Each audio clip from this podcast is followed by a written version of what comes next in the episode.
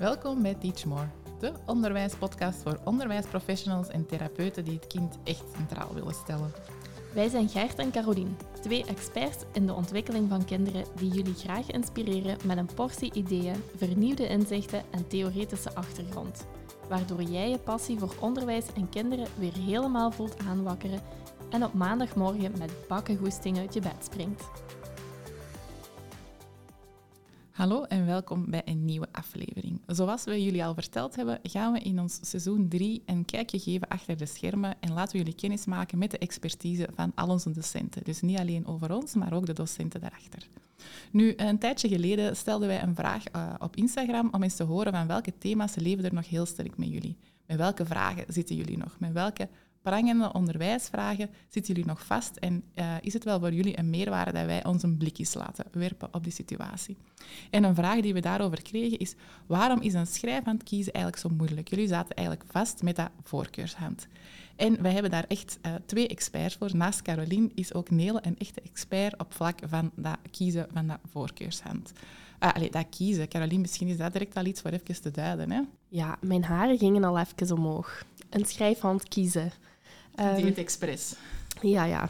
een schrijfhand kiest je niet eigenlijk. Hè. Dat, uh, dat, dat is er. En, uh, en kinderen kunnen dat alleen maar voelen door het te ervaren. Door eigenlijk de twee handen te gaan gebruiken en inderdaad gaan te voelen, experimenteren dat er een sterker hand is als de andere kant. Dus een schrijfhand kiest je inderdaad niet. Maar dat is uh, direct een gevoelig puntje, ja. Maar uh, ik, ik ben hier vandaag niet alleen als expert. Uh, Nele zit hier ook bij. En Nele is helemaal into de lateralisatie ook.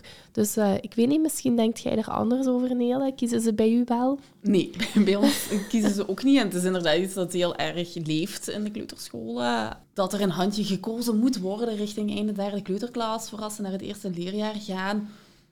Maar ja, die kinderen die moeten rijpen en inderdaad een handje gaan aanvoelen en niet gaan kiezen. Misschien even Nele, want we zijn het eigenlijk vergeten om nog even voor te stellen. Ons kennen jullie al langer, maar ik weet niet of je de vorige aflevering van Nele hebt gekozen. Nele, waarom is dat je expertise? Wat doe jij en, en van waar heb jij die expertise gehaald? Ja, ik ben kinesiste en ik heb een eigen kinepraktijk waar ik voornamelijk met kinderen werk. En ik, uh, merendeel van, van de kinderen die bij mij komen zijn uh, psychomotorische problematieken. Dus heel veel kindjes die hier voor schrijfmotoriek, fijne motoriek, ruimtelijke oriëntatie, lateraliteit komen. Dus dat is een beetje mijn expertise. Dus jij ziet wel dagelijks kinderen die eigenlijk nog aan het kiezen zijn? Ja, inderdaad. Ik hoorde eigenlijk uh, u daar straks een keigoed voorbeeld zeggen van een casus. Um, een casus die bij u was gekomen over dat voorkeurshand. Um, over dat dansen, kun je nou eens even vertellen? Ja, ja dat was toevallig een, een juffrouw eigenlijk. En die vertelde dat haar dochtertje um, heel vroeg al een voorkeurshandje had gekozen. Echt als baby zijnde, ah, pubertje, had hij eigenlijk al een handje gekozen dat een beter handje was. En nu hadden ze laatst uh, dansoptreden gehad. En nu viel het heel hard op dat dat meisje, het was een meisje, uh, met haar niet-voorkeurshand de middellijn niet kon overkruisen. Dus ze deed dat had dan haar rechterhandje, was haar voorkeurshandje geworden. En met dat handje ging ze heel mooi de oefeningen heel breed en over de middellijn doen. En haar linkerhandje, dat haperde altijd. Dat ging precies niet ver genoeg. En die mama die is wel heel mee in het lateraliteit gegeven. Dus dat viel heel hard op, zei ze, dat die eigenlijk met haar niet-voorkeurshandje niet mooi de middellijn overkruiste. Wat heb je daarvoor gedaan? Ja, voorlopig nog niks, want het kindje is nog niet aangemeld. Maar mama is... Uh, ja, ik heb mama de tip gegeven om te gaan schrijfdansen met twee handen natuurlijk. En mama is daarmee aan de slag gegaan. Uh, om daar ja, ook grofmotorische oefeningen mee te gaan doen. Uh, maar ik weet nog niet hoe het is afgelopen. Nee. Maar mijn vraag, een belangrijke vraag misschien, waarom is dat een probleem? Waarom is dat een probleem? Ja, dat is een probleem voor de lateraliteitsontwikkeling. Hè. Het is de bedoeling dat de kinderen eigenlijk met beide handen beide bewegingsrichtingen uh, leren verkennen. Maar als die voorkeurshand heeft en dat gaat goed, zie ik geen probleem. Um, ja, je hebt niet alleen een voorkeurshand, maar je hebt ook een steunende hand. En die moet ook voldoende meewerken voor bijvoorbeeld bij tweehandige taakjes. Um, ze hebben allebei een functie. En als je te vroeg één handje gaat kiezen, uh, dan gaan die functies ook niet goed werken. Of uh, de afwisseling tussen beide handjes moet er natuurlijk ook zijn. Dus dat kunnen allemaal gevolgen zijn van, van te vroeg kiezen. Ja, ik moet nu ook direct natuurlijk denken aan, aan mijn zithoudingen. Um, daar zijn ook wel, wat podcasts over uh, gepasseerd uh, in onze revue. maar als ik u hoor zeggen van ja, ene kant wordt maar, of ja, één handje overkruist de middellijn en het andere hand overkruist de middellijn niet, dan denk ik al onmiddellijk aan compenserende zithoudingen om toch maar bijvoorbeeld uh, te kunnen schrijven of het blad te kunnen stabiliseren. Dan, dan moet je misschien in een heel verkrampte zithouding gaan zitten om dan toch maar die middellijn mee te kunnen verplaatsen en de dingen te kunnen doen die dat er gevraagd wordt. En die compensatie, die zorgt ook voor heel wat ongemakken, denk ik dan. Dus het is niet per se van, ja, het is, het is geen probleem. Het is eigenlijk van, ja, als je dan de hele situatie gaat bekijken, dan denk ik dat je wel op heel wat compenserende uh, zithoudingen, houdingen in het algemeen, ehm, ja, bewegingen terecht gaat komen eigenlijk. Ja, ik zei hem natuurlijk ook omdat dat een van de dingen is. Je gaat kijken wat er een voorkeursand is en dan kun je dat eigenlijk zo wel afchecken en dan is hier oké. Maar als we dan naar het totaalbeeld gaan kijken van die ontwikkeling, is het natuurlijk wel nodig. Want juist dat heb je nodig om verder te kunnen gaan groeien. Hè? Ja, en ik denk ook dat daar heel vaak, als ik het zo mag zeggen, het probleem zit van onze observatie. Want als je een, een observatielijstje gaat aftoetsen, dan gaat je inderdaad bij dit voorkeurshand misschien gewoon een vinkje zetten en erbij schrijven, oh, het is links of rechts. Ehm, maar als je dan het totale beeld gaat bekijken, ja, dan zie je wel hele andere dingen natuurlijk. Hè. En dat is waar dat we bij Teachmore op willen inzetten. Van, ja, kijk eens naar het hele kind. Ja, want dan komen die pas veel later bij u terecht. Hè? Want dat was je daar straks ook aan het vertellen. Er zijn veel kinderen die veel later komen, maar het eigenlijk begonnen is bij dat voorkeursstand. Ja. Ja, ik heb inderdaad zo heel veel uh, leerlingen, derde, vierde, die dan nog voor schrijfmotoriek komen. Maar als ik dan eens te goed screen uh, en wat dieper ga kijken, ja, dan schort het in die fijne motoriek en die keuze uh, van de hand. En, in de niet-voorkeurse hand zijn dan vaak ook nog problemen. Naar die lateraliteit toe zijn er dan nog problemen. Um, dus ja, die melden dan later aan met één ding, maar eigenlijk zit het hem in de basis dat er nog problemen zijn. Ja, en ik heb een, eh, een, een petekindje van één jaar oud en um, op het lijstje stond voor de verjaardag, ja, um, schrijfmateriaal. Dus ik, oeh, dat ga ik doen. Dat ga ik hier doen. Ik ga ervoor zorgen dat dat uh, niet direct potloden zijn, want ik zag er al van de oma van die lange potloden liggen en dan dacht ik, nee, dat gaan we niet doen. En um, ik had ook zo van alles twee dingen gegeven en die man zo van, ja, is één niet genoeg? Allee, ja, er is maar één kind. Ik zeg, voor, haar twee handen natuurlijk, hè. Voor haar twee handen ja, dat is toch, allee, één hand zal wel goed zijn zeker? Ik zeg, nee, nee, nee, nee, nee. Luister binnenkort maar eens naar onze podcast. Het is heel belangrijk om met twee handen te gaan werken. De rode draad ook in schrijfdans, hè? Ja, absoluut. Bij schrijfdans gaan we ervoor om zo lang mogelijk met twee handen te werken, omdat, Nela heeft het al even aangehaald, de afwisseling eigenlijk tussen die twee handen, je hebt een steunende hand en een werkende hand, en ja, je hebt ze beide nodig. Dus Ehm, je kunt niet zomaar een hand gaan vergeten. Hè? Nee, klopt. Ehm, ja, ik heb nu thuis zelf aan de hand gehad. Mijn dochter zit in de derde kleuterklas en die durft ook nogal eens met twee handen werken. En ja, dan komt er soms de opmerking van de juf van ja, ah, het handje is nog niet gekozen, nu ze is overduidelijk linkshandig. Um, maar ze durft inderdaad haar rechterhandje nog inzetten. Maar dan denk ik, ja goed, doe maar, laat maar, beweeg maar. Ondertussen heeft ze inderdaad wel naar taakjes voor volgend jaar toe, uh, naar het schrijven toen, heeft ze haar handje gekozen. Dus in haar geval denk ik, oké, dat is goed.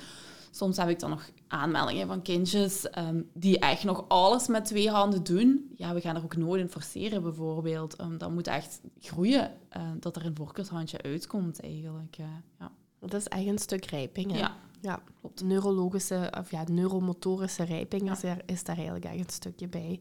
En daar, daar is het ook onze reflexen, wat daar, wat daar nog een stukje geïntegreerd mogen worden, wat daar eigenlijk eh, nog bij komen op sommige... Uh, in een normale situatie horen die natuurlijk op die leeftijd al uh, geïntegreerd of uitgedoofd te zijn, maar heel vaak zien we dat dat niet is. Hè. Dat, ja.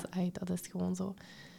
Ja, daar zijn heel wat, heel wat oefeningen ook voor, voor zo tweehandig te werken. Um, bijvoorbeeld binnen Brain Gym, uh, binnen schrijfdans, uh, zijn eigenlijk een heel aantal oefeningen waarbij dat we effectief met twee handen gaan werken, waarbij dat we die middellijn gaan overkruisen. En als ik hier het verhaaltje hoor van uh, uw nichtje van één jaar, ja, dat is eigenlijk een prachtig voorbeeld. Hè? Want jij hebt nu zoiets van, ja, ik ga daarvoor zorgen, want ik zie wat ik, ay, wat ik daar Bij kan mezelf doen. of zo? Hey, Caroline, ging je dat subtiel even aanbrengen of wat ging je doen? Nee, daar wou, daar wou ik eigenlijk niet naartoe. Ik wou zeggen dat je de expertise hebt om te weten wat dit kind dus eh, goed kan gebruiken om de volgende stap in haar ontwikkeling te zetten. Je doet precies al ben ik zo'n slecht mens, wat altijd het slechtste nu naar boven haalt. Je kunt er toch van genieten om even te zeggen wat er nog niet zo goed ontwikkeld is, hè? Nee? Bij mezelf, ja. Ja, dat is waar. maar dus, de, uw, uw nichtje van één jaar eh hebt jij eigenlijk het perfect eh, materiaal aangeboden om met twee handen aan de slag te kunnen gaan. Ehm, want je hebt eigenlijk... Ja, je hebt mij dat laten weten en ik heb u eigenlijk allemaal korte materialen ehm, aangeraden. Hè.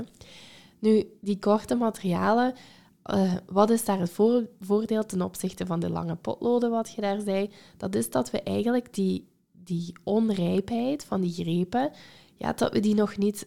We gaan, we gaan daar nog niet stimuleren om een lang potlood vast te houden, omdat ze die vaardigheden nog niet heeft. En gaat je dat wel doen, dan gaat je dus iedere keer een foute greep inoefenen. Nele, wat krijg je dan? Ja, dat, dat is dan automatisatie van de foute greep, hè. Wat gevolgen gaat hebben eh, naar, naar, naar de schrijfmotoriek toe.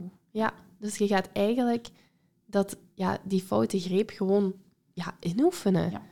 En hoe moeilijk is het om een foute greep eruit te krijgen? Mhm. Heel moeilijk. Ja, dus we kunnen ze beter gewoon ja, opnieuw... Ai, we kunnen ze beter gewoon direct goed aanleren. Ja. En dat is nu eigenlijk wat jij heel mooi hebt aangebracht bij je nichtje van één jaar. hè. Ja, want eh, we hebben er juist gezegd van brain gym en schrijven dan. Dat zijn twee mooie dingen om dat tweehandig werken te gaan ehm, ja, stimuleren, aan te brengen.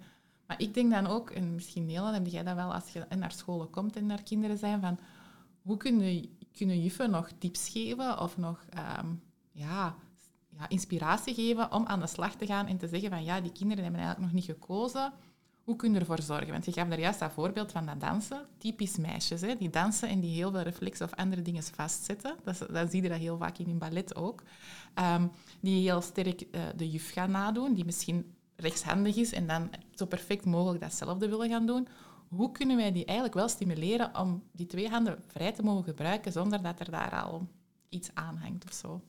Goh, ja, ik denk gewoon het feit dat ze hun twee handen gaan gebruiken. Want ik denk dat op heel veel scholen al heel vroeg maar met één hand gewerkt wordt.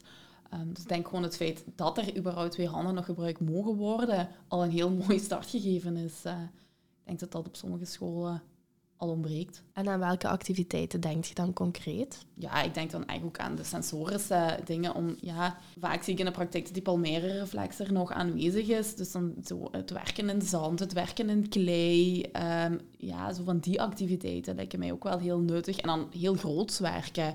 Ehm, niet op kleine papiertjes werken, maar de krijtborden pakken. ehm, ja, op de tafel stekenen. Ja, heel groot werken eigenlijk. Ik hoor je nu zeggen, die palmaire reflex is nog aanwezig. Ik Ja. weet perfect wat jij bedoelt natuurlijk. Maar ehm, wat bedoelt je? Ja, de palmaire reflex. Ja, dat is eigenlijk ehm, bij de babytjes. Hè. Als je een babytje iets in zijn handen geeft en hij krijgt prikkel in zijn handpalm, dan gaat hij sluiten. En dat is, ja, als die niet voldoende geïntegreerd wordt, dan gaat hij dan met, als je dan een materiaal of een potlood aanbiedt, dan zie je dat al die vingers nog rond dat potlood zit en dat je geen mooie pengreep eh, eruit haalt. Ja, en jullie zien nu niet wat ze doet, maar ze maakt eigenlijk een heel mooi vuistje. Ja. Dus ehm, alle vingers gaan sluiten, dus ik zie eigenlijk dat je dan een vuistgreep Ja. krijgt. Klopt. En een vuistgreep. Een, een van de vragen die ik heel regelmatig bij de ontwikkelingslijn van schrijfdans krijg, of bij de ontwikkelingslijn van schrijven in het algemeen krijg, dat is van, ja, maar dat mag toch, zo'n vuistgreep? Ja, dat mag in de ontwikkeling, maar als je naar schrijven toe gaat, kun je daar niet fijn mee schrijven. Hè? Ehm, een vuistgreep is nog, nog heel grof eigenlijk. Er zijn geen inscriptiebewegingen van de vingers. De kleine progressie is ook nog moeilijk. Ehm, dus naar het fijn gaan schrijven, vlot schrijven, is een vuistgreep niet ideaal natuurlijk. Maar in een kleuterschool, ehm, ja, dat mag natuurlijk nog, maar er moet wel evolutie in zijn. Ja, en die evolutie die krijgen we dan door die vingers uit die greep te Ja. halen eigenlijk. Inderdaad. En dat is wat we binnen de ontwikkelingslijn van het schrijven, daar, ja, hebben we ons grijptangrijmpje daarin zitten. Dat is eigenlijk dat we ons krijtjes ehm, gaan vastpakken met de vingers naar beneden. Dat is eigenlijk een stapje verder in de goede richting eigenlijk. En dan kom je bij die schrijfmaterialen die we dus ehm, hebben meegegeven met Gert voor haar nichtje. Ehm, allemaal eh, korte uh, schrijfmaterialen die eigenlijk met de vingers naar beneden kunnen vastgehouden worden. Dus ja, die palmaire reflex wil wel iets zeggen, denk ik. Hè? Ja, ik had er laat eentje in de praktijk. Um, ja, we zaten een tweede leraar of zo, die nog een actieve palmaire reflex had. Dat schrijven ging ook super moeilijk natuurlijk voor die jongen. Maar die had gewoon nog een vuistgreep. Um, ik kon wel al zo goed compenseren dat het er iets of wat uitzag als een vierpuntsgreep. Maar eigenlijk was het gewoon nog een vuistgreep. En het belemmerde hem zo hard in zijn schrijven dat ze zelfs al wouden overgaan naar, naar andere, uh, ja, naar compensaties eigenlijk. Terwijl ja, de vuistgreep nog niet aangepakt was. Ja. ja. En ja, in heel veel scholen op dat, op dat moment wordt eigenlijk dan gekozen voor verbaal te gaan ondersteunen om die pen goed vast te pakken. Is dat de heilige graal? Nee, helemaal niet. Dat is, dat is natuurlijk ondersteunend, maar ja, ik zeg het, je moet aan de basis gaan. Hè. Je moet echt inderdaad het sensorisch materiaal gaan aanbieden om die reflex te integreren. Um, maar ik zeg ook vaak tegen de, de, de, ouders of de leerkrachten van ja, de kinderen kunnen hier wel één of twee keer in de week komen oefenen, maar het is ook wel belangrijk dat de school meewerkt. Zo. Dus dan inderdaad het auditieve, maar ik vraag dan ook vaak het visuele, uh, dat ze dat op school ook wel aanbieden. Of het hulpmiddeltje, dat hem op school tenminste toch daar goed doet. Want als ze met mij maar een half uur goed doet en dan de rest van de week op school niet, ja, dan gaat het heel lang duren natuurlijk. Ja, dan zet je eigenlijk weer die foutieve greep aan het inoefenen eigenlijk. Hè? Ja.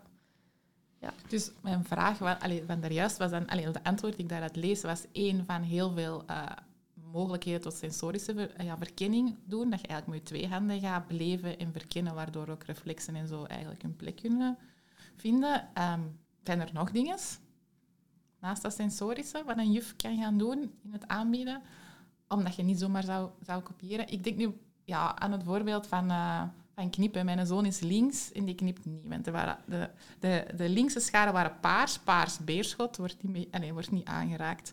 En die scharen lagen ook ergens anders, dus ja, nog steeds knippen, dat is gewoon niet wat geskipt wordt. Hè. Dat doet hij gewoon niet.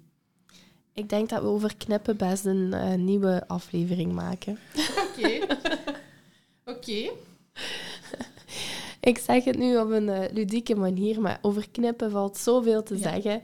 Um, ik wil dan ook even terugkomen op wat Nele daar straks eigenlijk al zei. Um, kies ervoor voor tweehandige activiteiten eerst aan te brengen. En dan kom ik, ik noem dat in de ontwikkelingslijn heel vaak de vergeten activiteiten. En dat zijn eigenlijk de activiteiten die um, heel stiefmoederlijk behandeld worden, maar die eigenlijk het meest nuttig zijn. En waar heb ik het dan over? Over scheuren. Scheuren is blijkbaar echt niet sexy voor leerkrachten. Sexy dat is helemaal, helemaal oud. Dat wordt niet meer gedaan. Um, knippen is hot. En uh, ja, scheuren, dat is echt not, not. done.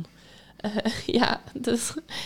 Um, maar scheuren is wel effectief ja, een hele, hele, hele goede activiteit. Want je doet het met twee handen, die in die activiteit eigenlijk evenwaardig moeten presteren. En dan moeten ze ook nog eens, de twee handen, moeten een tegengestelde beweging maken. Dus het ene hand moet naar voren bewegen, terwijl dat het andere hand naar achter moet bewegen. Dat de dingen die je inoefent met scheuren, die zijn motorisch niet te overzien. Nele, overdrijf ik? Nee, zeg maar. um, ja, ja, vaak worden inderdaad uh, de schaar aangeboden om dan op het lijntje te knippen. Maar als je kinderen scheuren, het merendeel van de kinderen kan niet meer scheuren.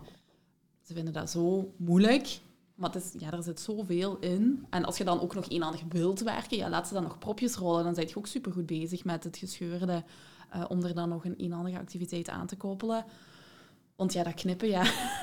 ik heb zelf ook het voorbeeld van mijn dochter, die linkshandig is. Maar ik heb haar de verkeerde schaar aangeboden. Toen waarom, heel klein was. Waarom? Ja, waarom? Uh, panische angst, omdat ze in haar eigen haar ging knippen. Dus heb ik een schaar aangeboden die alleen in papier knipt, die alleen maar rechtshandig knipt. Dus mijn dochter knipt nu rechtshandig, maar is linkshandig. Nu, ze knipt goed, en, maar ja, het juiste materiaal aanbieden is ook gewoon heel belangrijk. Foei, nee, hè? Ja, inderdaad. Foei.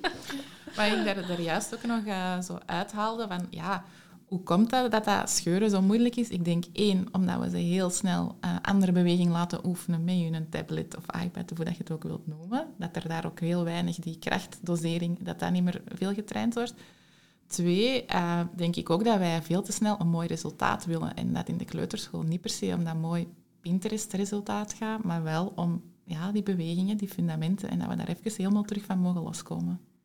Ja, ik verwijs daar heel graag op even naar het boek uh, Begrijpen met je handen. Dat is eigenlijk een heel leuk boek en dat gaat over um, ja, creatieve activiteiten, maar ook het nut van die activiteiten. Dus het nut van kleien, van met een wit blad starten, vanuit eigenlijk een hele andere opzicht. Um, en daarin bijvoorbeeld wordt dan ook um, wordt bijvoorbeeld een link gelegd naar uh, uh, dit stukje. En dat is dat is eigenlijk zo mooi daar, dat je daar ja, aan de slag gaat eigenlijk met creatieve materialen, dat je daar begrijpt met je handen en dat je daarmee aan de slag Super waardevol. Nu, ik denk inderdaad, om nog even aan te vullen, dat gewoon de samenwerking tussen die twee handen ook nog een heel belangrijke is, die bij, bij de kinderen van tegenwoordig veel te weinig is, omdat ze veel te weinig met twee handjes hebben gewerkt. Ja, wie heeft er nog eens in een zandbak gespeeld? Ja, mijn kinderen. Of wie heeft er nog een zandbak? Ja. Dat, die vraag kunt u ook stellen. Ja, want dat is wel echt lelijk in uw tuin, in een zandbak. Ja, lelijk. En ja, ja misschien... Vies vooral. Ja, ik wil er natuurlijk ook niet zo bij, bij nadenken wat er allemaal in een zandbak kan gebeuren. Um, dus ja, er zijn hebben ze ook al eens op iets opgeschept. Ja. wat is dit? Uh, dat is voor de bosjes. er, zijn, uh, er zijn zeker voor- en nadelen aan, maar ja, wanneer dat je eigenlijk ja, gaat kijken wat echt nuttig is voor de, de ontwikkeling van onze kinderen is het wel zo dat, dat sensorisch materiaal ja, staat op nummer één. En je kunt niet sensorisch materiaal gebruiken zonder dat je vuil wordt of dat je um, ja, rommel tussen aanhalingstekens maakt. Um, je kunt niet verven zonder te smodderen. Je kunt geen eieren bakken zonder de schaal te breken. Hè. Zo is het gewoon. Je moet het ook gewoon ervaren en voelen voordat het je eigen kan worden en dat je het op alle andere ja, vlakken verder kan evolueren. Hè. En als je dat niet ze graag zelf doet, stuurt ze dan op schrijfdanskamp, hè? niet? Ja, daar zijn ze natuurlijk ook altijd welkom. daar werken we een hele week in de zomervakantie aan dit soort vaardigheden, samen met werkhouding en alles wat schoolrijpheid is. Dus daar zijn ze zeker ook welkom. En wat ik ook wel top vind, dat jullie bij Schrijfdans ook ze leren om de kinderen het zelf te laten opruimen op een fijne manier. Dus hè, het hoeft niet altijd echt vuil te zijn. Je kunt het ook ja, heel veel andere dingen weer laten leren met dat zelfstandig op te kuisen. Ja, absoluut. Nu, onze uh, hamvraag van vandaag was waarom een schrijfhand kiezen zo moeilijk is. We hebben daar het stukje kiezen hebben we al um, eigenlijk ja, onderuit gehaald dat we niet gaan kiezen. We hebben ook al een stukje uh, het gehad over die middellijn. Maar Nele, wat maakt het nog zo moeilijk om een schrijfhand te kiezen? Of te ervaren? Um, ja, ik denk ook gewoon dat de kinderen tegenwoordig veel minder met het fijnmotorisch materiaal bezig zijn. Uh, en dan, ja, ik zeg het merendeel van, van de patiënten die aangemeld worden bij mij zijn jongens. Um, ik hoorde dan daar straks al het verhaal van Gert dat, dat de zonen veel liever buiten spelen en, en voetballen en zo. En dat die meisjes, of de nichtjes waren het, ja. wel mooi aan het tafeltje konden kleuren en zo. Ja, ik denk dat er ja, tegenwoordig dat het echte hele fijn motorische materiaal, dat dat veel minder wordt aangeboden. En dat inderdaad die iPads, cultuur, wat er tegenwoordig is, ook wel een, uh, een, het dwarsbond eigenlijk, ja. Mijn kinderen swipen maar met één hand. Hoe komt het dan dat dat geen handvoorkeur veroorzaakt? Oh, wat een lelijke vraag. Ja. Waar wordt er over kruist? Niks, hè? dus dat je aan de ene kant, de iPadje. Het is wel grappig, want dat gaan ze dan ook bij alles doen hè, tegenwoordig. Ze gaan proberen om te swipen en je zo denkt, uh, dat is gewoon een blad. Niks te swipen. Hè. Ja, wij hadden onlangs bezoek en uh, er werd op ons tv geswiped. Ja. ja. dus voor de kinderen is dat een vaardigheid die eigenlijk veel te snel al, uh, ja, zo gezegd, wordt geleerd. Maar ja, er is niet echt iets voor te leren. Hè. Motorisch dan toch? Ja, motorisch valt daar weinig uitdaging aan, inderdaad. Ja. Wat ik, me, alleen, wat ik mezelf afvraag is wanneer ja, moeten als juf ehm, gaan doorverwijzen? Ehm, welke kinderen krijg jij tot bij u, Nele? Of vooral misschien ook van welke zijn eigenlijk niet, of waar is het niet aan de orde om die um, extern te gaan sturen? Wat kan er op school misschien ja, soms, ja, soms krijg ik wel de opmerking van, van de, de juffen die dan de jongere kinderen hebben. Um, ja, die werkt nog heel veel met twee handjes en dit en dat. Dan heb ik zoiets van, ja, laat die maar, laat die maar doen, dat is goed. Um, maar inderdaad, ik kan wel begrijpen dat er zo richting einde derde kleuterklas, dat er dan toch wel iets gekozen moet worden richting het eerste. Zo. Dus dan worden ze regelmatig wel doorgewezen. Als ze zo, ja, kerstmis, Pasen, nog echt heel veel tweehandig werken, of er is echt nog geen duidelijke keuze gemaakt, dan komen ze vaak wel bij mij terecht, ja. En wat zijn dan de effectieve kenmerken waarop dat uh, leerkrachten zouden moeten doorverwijzen? Ja, ik denk vaak ook als er een probleem is in de fijne motoriek, als ze zien dat het nog allemaal heel stroef gaat, als er een foute pengreep, dan spreek ik over einde derde kleuterklas, hè, als die pengreep bijvoorbeeld inderdaad nog een vuistgreep is, als er nog heel veel met twee handjes gewerkt wordt, als er geen middellijn wordt overkruist, um, dat zijn allemaal wel redenen om toch eens door te sturen voor een screening te doen. Uh, daarom niet voor therapie of zo. Maar om, om te screenen van, kijk, zie ik al iets meer? Zie ik toch al iets van een voorkeurshandje? Kunnen we daar gaan op inzetten? Um, en hoe kunnen we daar gaan op inzetten? Dat gebeurt ook wel eens. Ja. Is het slechter als je linkshandig, als je voorkeur naar je linkerhand gaat? Vroeger werd dat in ieder geval wel zo gezien. Nu, je zei het links of je zei het niet. Hè. Uh, het rijpt zo. Dus ja, vroeger inderdaad werd het afgeleerd, zal ik zeggen. Maar heel vaak merk ik nu dat er als er mensen linkshandig zijn en op lesdagen, dat die problemen ervaren. Dus ja, volgens mij moet je gewoon het handje dat je kiest, moet je nemen. Um, terwijl dat vroeger inderdaad wel anders was. Ja, die werden dan rechtshandig, maar die deden alles links. Eten, knippen, ja, ja. hun haar kammen, maakt niet uit. Ja, ik zeg altijd beter de goede linkse dan een slechte rechte. Want je kunt iemand wat echt linkshandig is, kun je nooit rechtshandig maken. Dus die krijgt dan een slechte rechte. Die zijn eigenlijk gewoon onhandig. Ja. Zoiets. dus links of rechts, het maakt niet uit, maar het moet wel alle twee aangeboden worden. Want kinderen, als ze gaan zien, een juf is, of vaak het voorbeeld, is het ook wel belangrijk om dat beeld breder te gaan maken. Anders ga je gewoon kopiëren wat de juf doet. Hè. Als die altijd met een rechterhand werkt, ga je rechts werken. Of is een juf links, dan zie je ineens heel veel linkse handjes gaan gebruiken. Ik zie dat wel veel. Ja, ik ben me nu aan het afvragen. Ja, je kunt dat wel ook niet vermijden. Want als je als juf rechtshandig bent en je gaat in een eerste leerjaar op het bord schrijven, ja, dan, dan schrijf je rechtshandig natuurlijk. Hè. Tuurlijk. Maar het voorbereidend schrijven, dan wel zelf met twee handen gaan doen of mee gaan doen en zo eens een keer links en eens een keer rechts bewegingen doen. Want als juf is het ook oké om dat nog eens even terug te gaan doen, want je gaat merken, vaak heb je dat stukje zelf niet uh, meegedaan. Hè. Dus mijn linkerhand zo aan het achterspartelen met die dubbele doodle van Brain bijvoorbeeld. En je dan die oefening doen en ik zo echt, kom aan, doe eens mee. Ik snap niet wat je bedoelt. Mijn linkerhand heeft dat niet. Nee, nee, grapje. grapje. Ik heb de linker alles perfect. nee, nee, ik snap heel goed wat je bedoelt. Um, maar uh, ja, de, de wisselwerking tussen de twee. Ik ben wel van de overtuiging dat imitatie een groot onderdeel is. Want we zijn uiteindelijk als mensensoort zijn wij zo ingesteld en hebben wij spiegelneuronen om te leren. En die spiegelneuronen die zorgen ervoor dat we gaan imiteren en daardoor gaan we leren. Nu, wanneer dat je altijd het voorbeeld krijgt, gaat je dat inderdaad ook imiteren.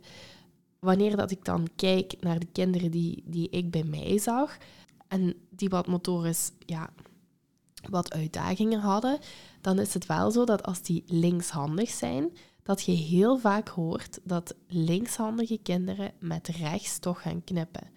Ik geloof oprecht dat dat komt door imiteren. Omdat we beginnen eigenlijk te vroeg, en nu gaan we toch het over knippen hebben. Hè. Ik kan daar echt een, denk ik, een hele aflevering over hebben. Ik heb niets gezegd. maar uh, wat, waar dat ik naartoe wil, is die linkshandige kinderen, die scharen worden eigenlijk te vroeg aangeboden. We gaan te vroeg van kinderen verwachten dat ze gaan knippen. En dan gaan die op basis van imitatie werken en ze krijgen alleen een rechtshandig voorbeeld, want de juf of meester is rechtshandig. En daardoor krijg je eigenlijk kinderen die wat een bepaalde vaardigheid dus met een hand gaan doen, maar dat is niet per se een voorkeurshand. Mhm. Of dat die schaar een lelijke kleur heeft, dat kan ook. Ja. ja. Ja, als ze paars is, heb ik daar natuurlijk alle begrip voor. Nu, ik ervaar dat momenteel zelf, omdat mijn dochter linkshandig is en ik vind het ontzettend moeilijk om zo dingen voor te doen.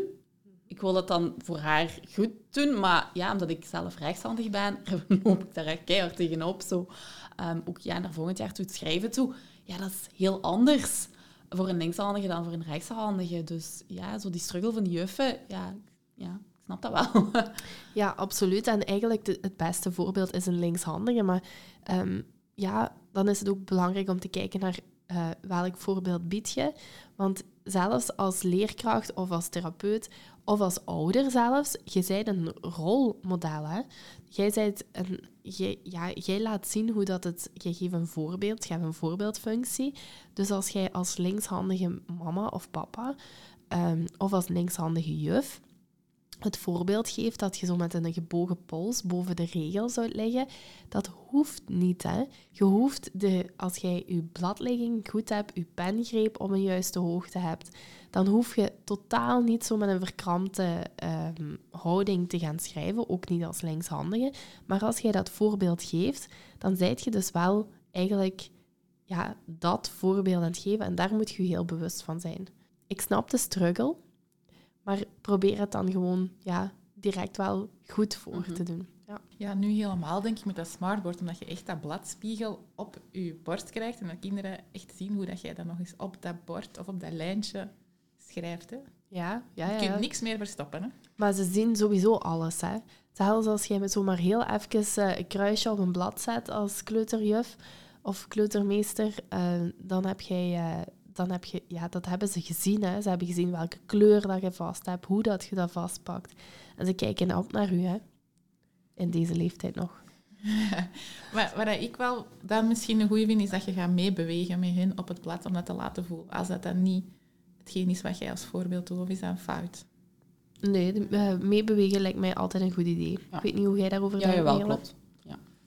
Om het dan nog zelf ook te gaan voelen bij Mhm. jezelf. Want daar begint het dan toch bij, denk ik. Ja. Dus, waarom is een schrijven aan het kiezen zo moeilijk? Nele, Caroline, het antwoord is aan jullie. Ik laat u voorgaan. Waarom is een- een schrijfhand kiezen zo moeilijk? Ehm, ja, omdat er te weinig fijnmotorisch gewerkt wordt. eh, omdat er te snel verwacht wordt van de kinderen dat ze een handje kiezen. Ehm goh, ja, ja er, er- we hebben veel dingen besproken vandaag. Hè? Voor het antwoord op deze vraag moet je terug beginnen luisteren bij seconde 1. De samenvatting. Ik dacht dat je ging zeggen, moet je luisteren naar de aflevering over knippen. Dat is dus niet. Nee, nee, nee. Ehm, maar wat ik wel nog eh, zou willen toevoegen is, ehm, ja, wanneer dat we het hebben over zo eh, te snel, ehm, ja, pak echt die tijd. Laat de kinderen gewoon, eh, laat die scharen echt voor einde tweede kleuterklas. Ehm, ga ermee aan de slag met knippen, eh, met knippen. Scheuren. Scheuren. Er is iets met dat knippen, Oh, Caroline? echt waar. Ga aan de slag met scheuren, met rollen, met sensorisch materiaal. Laat de scharen aan de kant en ja, ga eerst sensorisch werken. Ja, er is eigenlijk meer tijd uittrekken terug voor dat beginluik, waar dat ze misschien niet altijd meer thuis zo uitgebreid aangeboden krijgen, dat we dat in school wel de nodige tijd en ruimte laten innemen om dan vanzelf te kunnen groeien naar ja, een voorkeurshand, een betere schrijfmotoriek en zo verder. Ja, absoluut. Voilà, bij deze zijn we dan aan het af- einde gekomen van deze aflevering. Dank u wel, Nele, om hier bij ons te zijn. En ben om blij dat ik meer- komen. Ja, en toch meer als één podcast op te nemen. Uw expertise is zo uitgebreid, dat kunnen we niet in één aflevering vastleggen. Nee, dat is waar. We gaan er nog een paar moeten hebben, hè? bijvoorbeeld over knippen. Dat is goed. Wil je graag eens komen kennismaken met ons en onze docenten? Wel, goed nieuws, dat kan. Op vrijdag 17 en zaterdag 18 maart 2023 openen wij onze deuren voor jullie. Je kan de verschillende materialen komen inkijken, komen voelen en komen ontdekken welke gezichten er achter Teach More zitten. We organiseren ook verschillende inspirerende lezingen. Daarvoor kunnen jullie je gratis aanmelden. Kom gerust meegenieten op onze splinternieuwe locatie op het Mibroosplein in Herentals. Registreer je voor de lezingen van jouw keuze op www.teachmore.be slash opendeur of spring gewoon eens binnen deze twee dagen. Tot dan! Bedankt om te luisteren naar een nieuwe aflevering van Teach More, de onderwijspodcast. Vond je deze aflevering waardevol? Laat het ons dan weten door een review achter te laten in de podcast-app waarmee je deze podcast luisterde. Blijf je graag op de hoogte van nieuwe afleveringen? Abonneer je dan op deze podcast en je ontvangt automatisch een berichtje wanneer er een nieuwe aflevering is. Wij delen ook dagelijks tips via onze social media. Je kan ons volgen op Instagram via teach_more_ of op Facebook teachmore. Blijf je graag als eerste op de hoogte van al onze nieuwtjes? Schrijf je dan in voor onze nieuwsbrief op www.teachmore.be. Daar vind je ook ons volledig aanbod aan vormingen, workshops en teambuildings terug.